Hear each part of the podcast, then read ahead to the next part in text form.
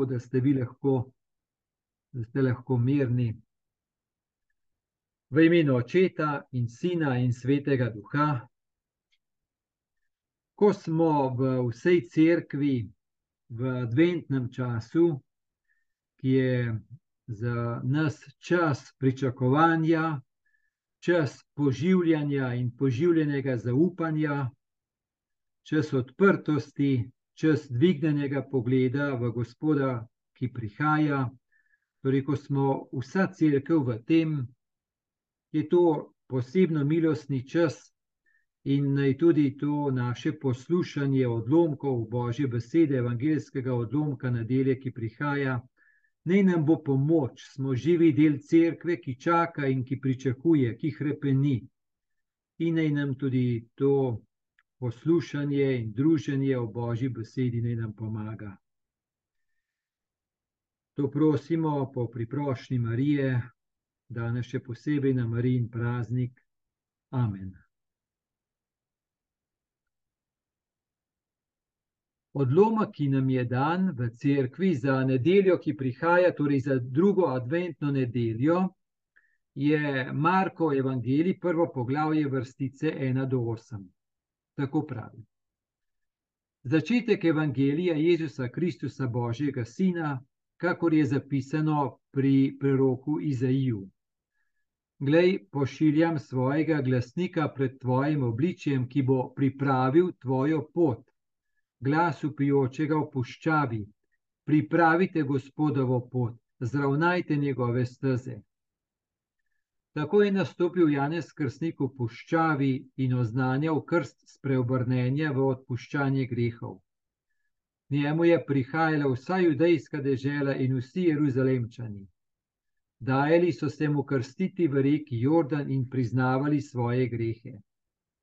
Janez je bil oblečen v kameljo dlako in imel usnjen pas okoli ledi. Jedel je kobirice in divji med. Oznanjal je. Za menoj pride močnejši od mene in jaz nisem ureden, da bi se sklonil pred njim in mu odvezal jermen njegovih sandal. Jaz sem, kr, jaz sem vas krstil z vodo, on pa vas bo krstil svetim duhom.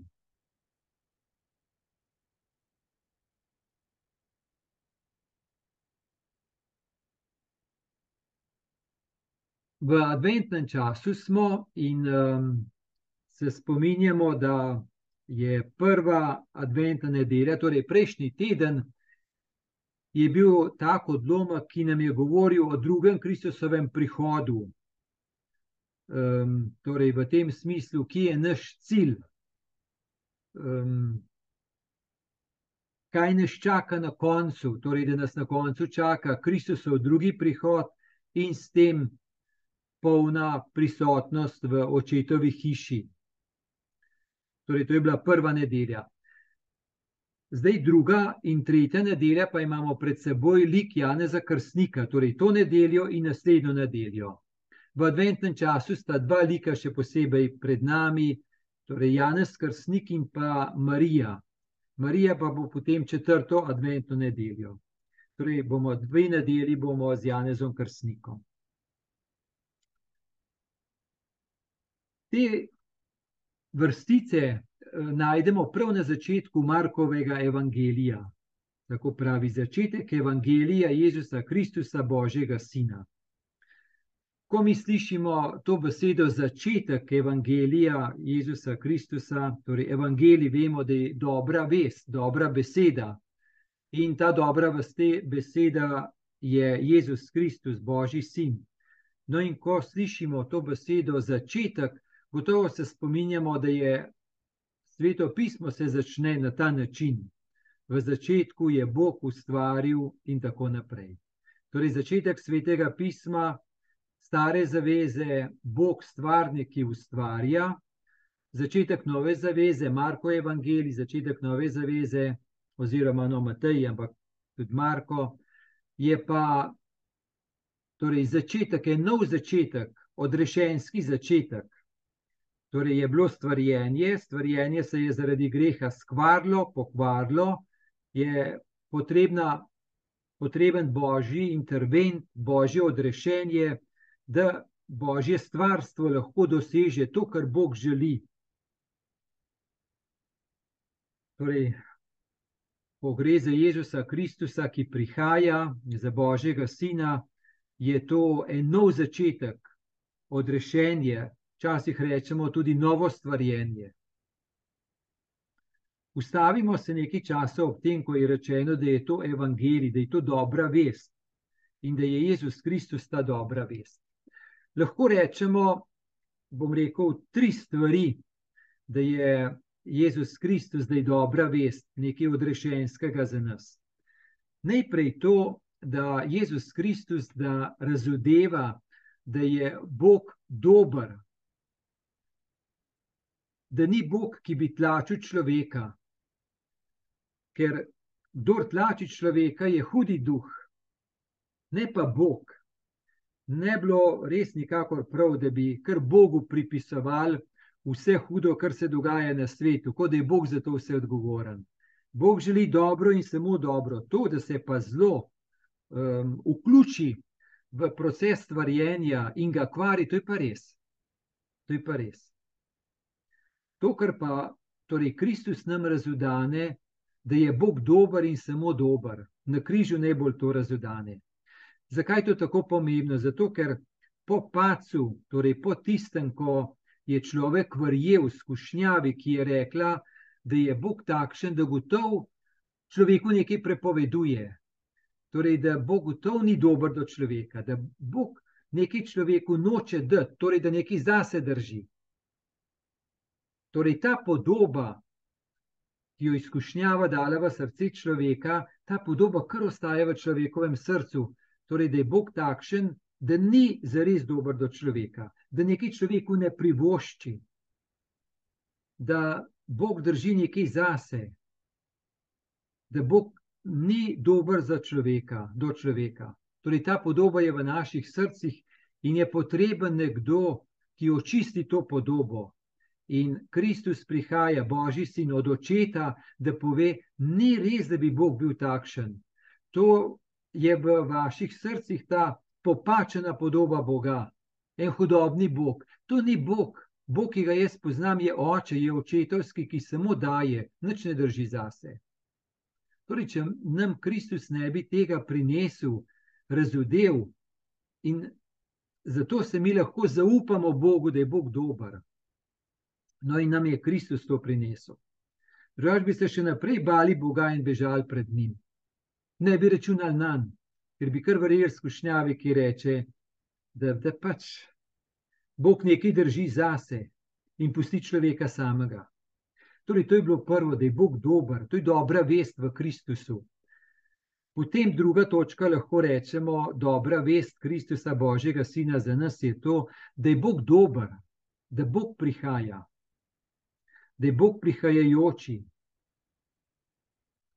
Torej, ni stvar v tem, da bi človek se moral dokopati do Boga, da bi nekaj božjega prejel, da bi bil deležen nečesa božjega. Ampak je Bog, ki prihaja k nam in nam prinaša nekaj božjega. To je zelo drugačna smer. Torej, ne mi do Boga, ampak Bog do nas. In pride blizu. In najbolj blizu bo takrat, ko se bo Kristus povsem izročil v človeške roke. Večje bližine kot ta, da se nekdo povsem izroči, ni. Tako močno, da reče: Delajte z menoj, kar želite, ampak jaz sem z vami in vas imam rad. In kolikor bolj človek gre v napačno smer, toliko bolj Bog človeka išče. Kolikor bolj se človek nekam oddaljuje od Boga, ker hoče sam si urediti svoje življenje, toliko bolj ga Bog išče. Pa ne zato, da bi ga kaznoval, pa obsodil, ampak zato, da bi mu pomagal in da bi rekel: Poglej, zgrešil si, vse v redu, s teboj sem, obrni se k meni.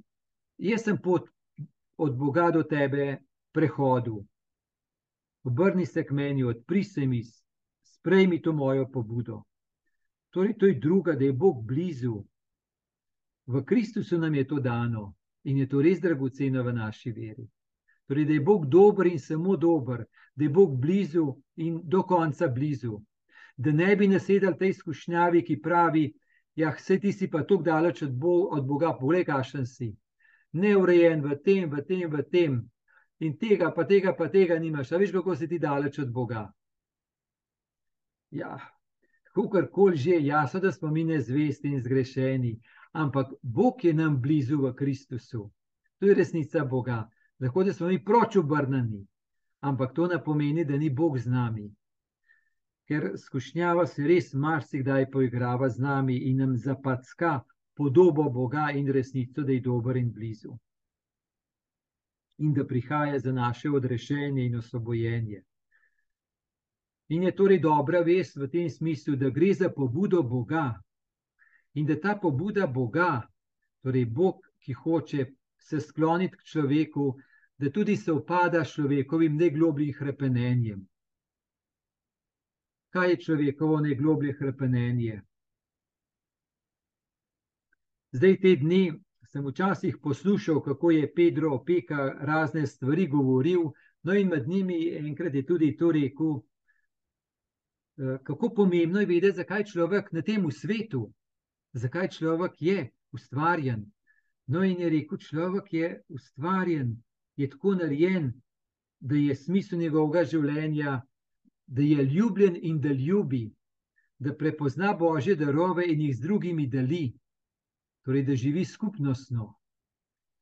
Torej, to je tudi hrepenenje človeka, torej da kar Bog želi dati človeku in daje človeku v Kristusu, to je tudi istočasno najgloblje hrepenenje človeka.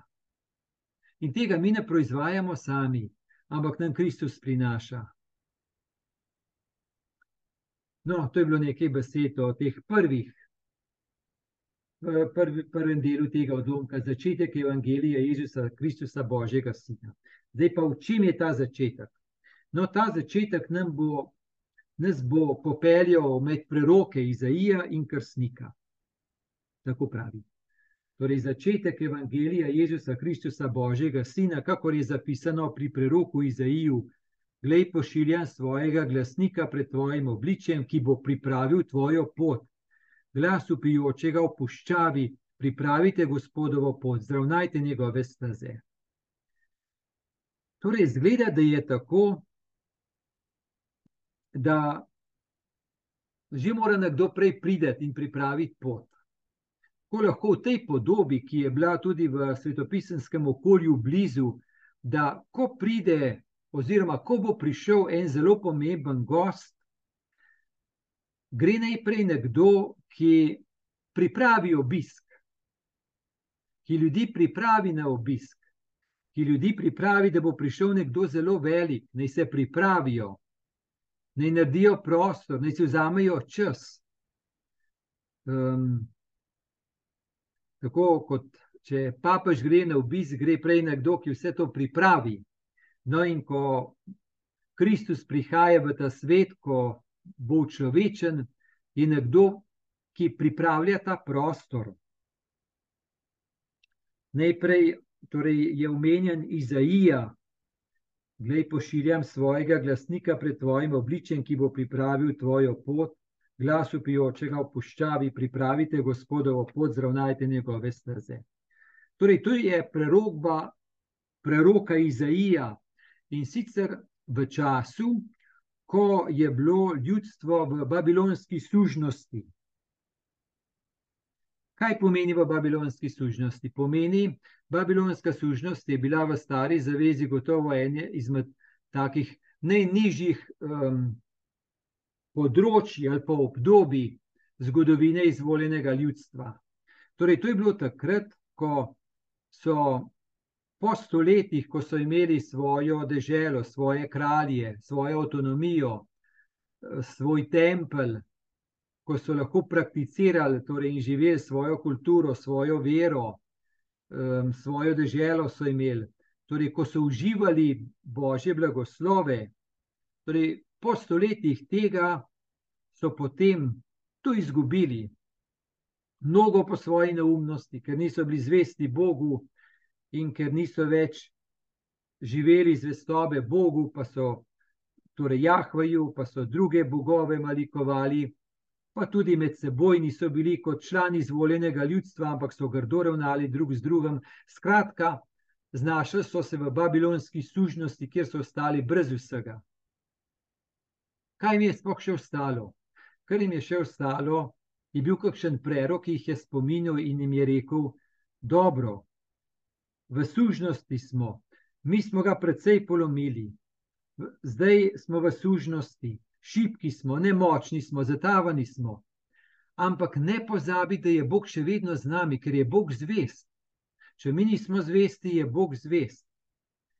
In ko govori o tem, pripravite gospodovo pot, zravnajte njegove steze. Torej, temeljno, kaj to sploh je, je, da jim je prerok rekel: zaupajte, da Bog nas ni zavrgel. Lahko, da smo se mi sami zavrgli, lahko, da nas je zgodovina zavrgla, lahko, da se je marsikaj težkega zgodilo. Lahko, da smo se mi nekam izgubili, vse res. Ampak vendarle pa zaupajmo, da je Bog še vedno z nami, da je On zvest in do konca zvest. Ne pozabi tega. Zato, ker torej v taki stiski, kjer so se znašli, zaupa, da je pot naprej, pot ven iz služnosti, se to ni avtomatsko. Iz česa naj pride ta moč? iz tistih svojih bornih moči, ki so itak bile zelo borne, iz tega, da so imeli nad seboj močne babilonce. Jasno, da niso mogli se opirati na nič, če bi se, bi edino obupali. No, in prerok jih, va, prerok jih vabi. Torej, v puščavi ste je res, ampak vendarle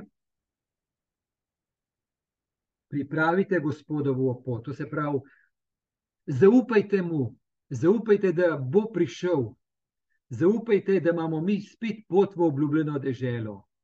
Ne obupati, ne se računati samo na sebe. Zaupajte, spominjajte se, kdo je Bog. To, ko govorijo o poščavi, gotovo so se oni tudi spominjali, da so enkrat že bili v poščavi, torej na poti iz egiptovske služnosti v obljubljeno deželo. Torej, ni prvič, da so v hudi preizkušnji. Torej, vse to je delež preroka. Torej, prerok jim je pomagal k zaupanju, da Bog pripravlja pot, da je to gospodova pot, da on nekaj dela, ne ljudstvo zaupa.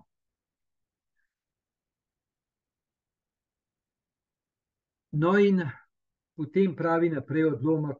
Torej, tako je nastopil Janez Krstnik v puščavi in oznanjal krst preobrnenja v odpuščanje grehov. Torej, pomeni podobno kot je enkrat Izaija, ko so bili v hudi stiski, v tem smislu simbolno v puščavi, kot jim je Izaija pomagal, da so upali in zaupali in se odpirali Bogu in dopuščali, da jim Bog kaj pripravlja, da ni edino, kar si bodo sami pripravili, da ni edino, kar jim bo, ne vem, kdo pripravil, ampak da je nekaj, kar Bog zares pripravlja za njih. Torej, tako kot jim jih je Izaija pripravljal, je potem um, torej na izhod iz babilonske služnosti v da so se vrnili v obljubljeno deželo, in dejansko potem so se po enih sedmih desetletjih babilonske služnosti vrnili v obljubljeno deželo. A veste, kako so se vrnili? vrnili. Torej, vrnili so se tako, da eno obdobje so bili babilonci izredno močni, potem so pa perzici postali močnejši in so babilonce premagali, perzijski kralj Cir. In so potem tem ujetnikom rekli: Mi smo zdaj premagali Babilonce, ki so bili naši sovražniki, Babilonci so vsem pripeljali v služnost, evo, vi, mi vam pa dajemo svobodo, pojdite domov. Torej, na ta način se je zgodovinsko odvilo. Ampak, čutno, stvar je v tem, da Izaija jim je pomagal ohranjati vero, da ne bi obupali nad Bogom, da ne bi obupali nad svojo vero, ko so pa še vedno gojili svojo vero, In ko se je zgodovinsko zgodilo, ko pa so šli nazaj, so se vrnili v svojo obljubljeno deželo. Tako je bilo. No, torej, kot, ja, kot uh, Izaija, takrat je pa zdaj Janez Krstnik, pa nekaj novega pripravlja. Torej, pripravlja eno drugo pot, torej, ki ne bo več pot samo taka geografska, ampak bo pot v božje odrešenje. Zdaj pa kako je Janez Krstnik pripravljal to pot? Pravi, da je oznanjal krst spreobrnenja v odpuščanje grehov. Krst spreobrnenja v odpuščanje grehov. Pa naprej pravi, k njemu je prihajala vsa judejska dežela in vsi jeruzalemčani, dajali so se mu krstiti v reki Jordan in priznavali svoje grehe. Torej, kaj slišimo? Slišimo, da jim je očitno govoril nekaj o grehih, da jim je nekaj govoril o spreobrnenju. Potem naprej bo še spregovoril o Kristusu. No, torej v puščavi, o spreobrnenju, o odpuščanju grehov, o grehih. Vse to je on na ta način pripravljal pot. En vidik, kako je pripravljal pot, je to, da je ljudem pomagal videti, da, so, da imajo kakšen greh, da je v njih kakšna zgrešenost. In da, dokler človek ne ve, kako zgrešen je, se sploh lahko kam premakne, pač ostane v tistem. Tako da, kolikor je čudno, pa ne navadno, ampak je res dobro in odrešensko, da je en kritični glas, ki nam pove o kakšni grešnosti, pa zgrešenosti, v kateri smo. Mi hitro vemo za lastne napake, no, še lažje za napake drugih. To hitro vemo. Ampak v čem je naša bolj globinska zgrešenost, so pa stvari globlje. In je res potreben nekdo, ki bolj odstre pogled, bolj v globino. Bolj v globino. No, in Janes Krstnik je imel ta dar.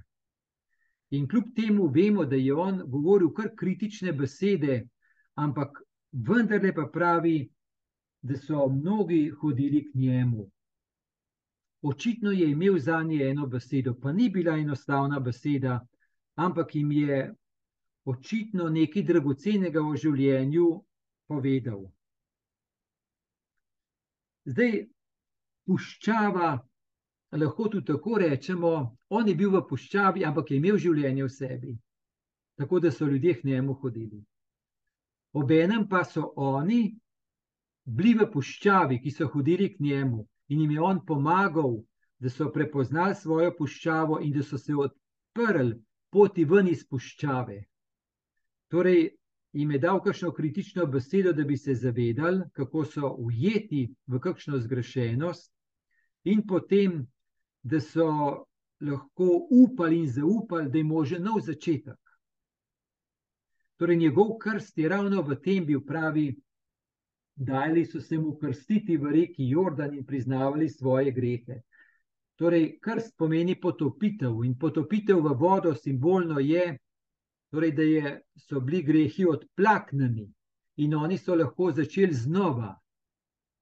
Torej, ko je bila v njih kakšna zgrešenost, so lahko začeli znova, so dobili eno notranjo moč, eno novo upanje, novo moč, novo odločnost.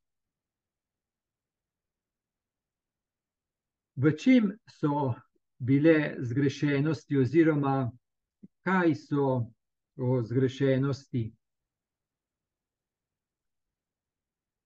Če tukaj um, smo lahko malo bolj tako, da se um, pomislimo na naš čas, kaj bi pomenil v našem času? Ena taka zgrešenost, ki se jo komaj zavedamo, Meni včasih to prihaja na misel, kako je naš čas, torej naša kultura taka, da bi nam hotela nuditi prav vse, da bi nam, da bi nam res nič ne manjkalo. Da bi imeli na voljo toliko enih uslug, toliko enega materijala, toliko enih stvari, da nam ja ne bi nič manjkalo. To je potrošništvo. Ne? In torej potrošništvo, ki nam toliko nudi, toliko vsega, in mislim, da ni težko pogledati okrog sebe, od materialnih stvari do uslug, toliko tega nam nudi. Zdaj pa vprašanje. Torej, ves ta potrošni svet, ki nam nudi, da bi ja bili vsem zapolnjeni, da ja ne bi nobene potrebe več čutili, oziroma da nam celo nasilo vzbuja potrebe. Torej, ta sistem, ne, da bi bilo vse, vse zapolnjeno, torej ta sistem, ta način, ta trend, da nobene puščave sploh ne bi smeli biti v nas, pa v naših življenjih. A ni ravno to, kar nas pelje v eno puščavo, zato ker smo na površini, ker ne gremo v globino življenja. Globina življenja, iti v globino, to pa gotovo pomeni iti skozi kakšno trdo skorjo, skozi kakšno puščavo, zato pa ni enostavno iti v globino ker je toliko ponudbe bolj na površju. Torej, to so lahko take ujetosti in zgrešenosti, ki se jih človek komaj zaveda. Ko, ali, pa na, ali pa, naprimer, v tem smislu, kaj bi pomenil, če bi starši svojim otrokom hotel na ta način nekako uh, jih obarovati vsake teže, vsake preizkušnje, vsakega napora, da ja otroci ne bi načutili, da je življenje naporno in težko. A bo iz tega kaj življenja? To so kakšne res take, lahko zelo globinske zlaganosti, ki niso samo na moralnem nivoju, ampak so bolj, bolj, bolj, bolj v globino. Greh v hebrejščini pomeni zgrešiti tarčo. Torej, grešnik zgreši tarčo, pomeni, grešnik zgreši cilj, za katerega smo ustvarjeni. Zakaj smo ustvarjeni? Torej, da smo ustvarjeni za Boga, za očeta, za pripadnost nebeškemu očetu, za zaupanje nebeškemu očetu, torej za napajanje iz izvira večne ljubezni, za to, da poznamo darovansko ljubezen, da zorimo v njej, da zorimo v občestvenosti z Bogom, da zorimo v občestvenosti med nami, da smo zato ustvarjeni. In gotovo tudi za nas verne je lahko ena taka past to, da mislimo, da je cilj, da bi po ne vem kakšnih formalnih kriterijih postali perfektni.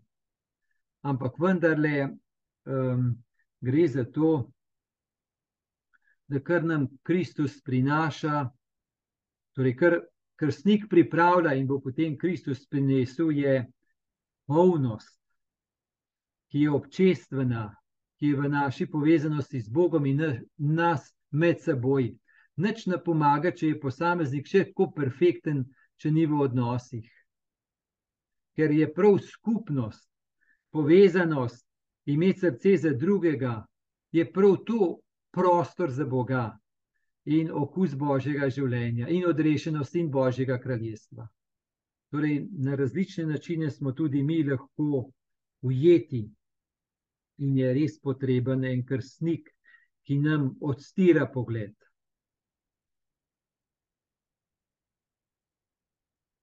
No, še kakšna beseda še o tem, ko je rečeno, o,